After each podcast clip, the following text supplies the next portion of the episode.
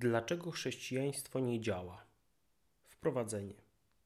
Stawiam prostą tezę: chrześcijaństwo nie działa. Co mam na myśli?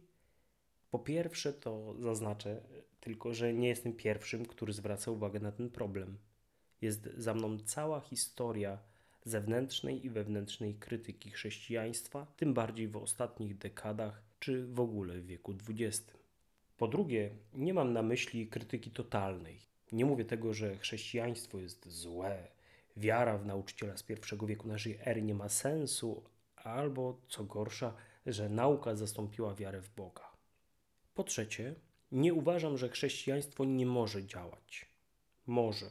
I to właśnie jest cel tej serii wpisów ukazać problem i potencjalne rozwiązanie problemu chrześcijaństwa w XXI wieku. Skąd zainteresowanie tematem? Czy nie lepiej odciąć się od czegoś, co nie działa? Tak pewnie powiedzą wszyscy zrezygnowani kościołem, instytucjonalizmem, formalizmem i tradycjonalistycznym zabobonem. Albo czy nie lepiej nie krytykować własnej religii i nie do własnego gniazda? Tak pewnie powiedzą konserwatyści religijni, fundamentaliści i fanatycy, wszyscy święcie przekonani i nieświęcie przekonujący. Jednak polaryzacja społeczna, dychotomia myślenia, czarno-biała perspektywa, wartościowanie zero-jedynkowe nic z tych rzeczy nie wydarzy się na tym blogu. Jeśli kogoś to podnieca, to proszę sobie robić dobrze bez mojego udziału. Jako, że wychowałem się w rodzinie wierzącej i praktykującej religijnie, chrześcijaństwo jest ważnym elementem mojego życia, dlatego nie mogę być obojętny wobec tej religii.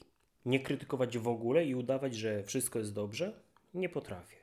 Musiałbym zakłamać nie tylko czytelniczki i czytelników, ale również samego siebie. Jako, że jednym z celów mojego rozwoju osobistego jest dążenie do integracji wewnętrznej czy integralności, nie zamierzam ani zgadzać się z tym, co jest złe, ani wylewać dziecka z kąpielą. Dlatego zrobię to, na czym znam się najlepiej. Dokonam krytyki chrześcijaństwa w jego najpowszechniejszej formie występowania, włączając w to mniej powszechną formułę, jaką jest religijność protestancka typu ewangelicznego. Nie chodzi mi jednak o krytykanstwo, o którym już kiedyś wspominałem.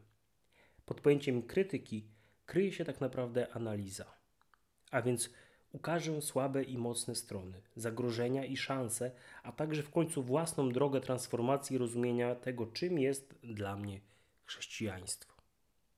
Zapraszam do śledzenia tej serii. W następnym wpisie omówię symptomy czy też objawy, które moim zdaniem świadczą o tym, że chrześcijaństwo, tak jak teraz wygląda, po prostu nie działa. Dziękuję za uwagę. Do usłyszenia. Sensoholik, czyli Konrad Pasikowski.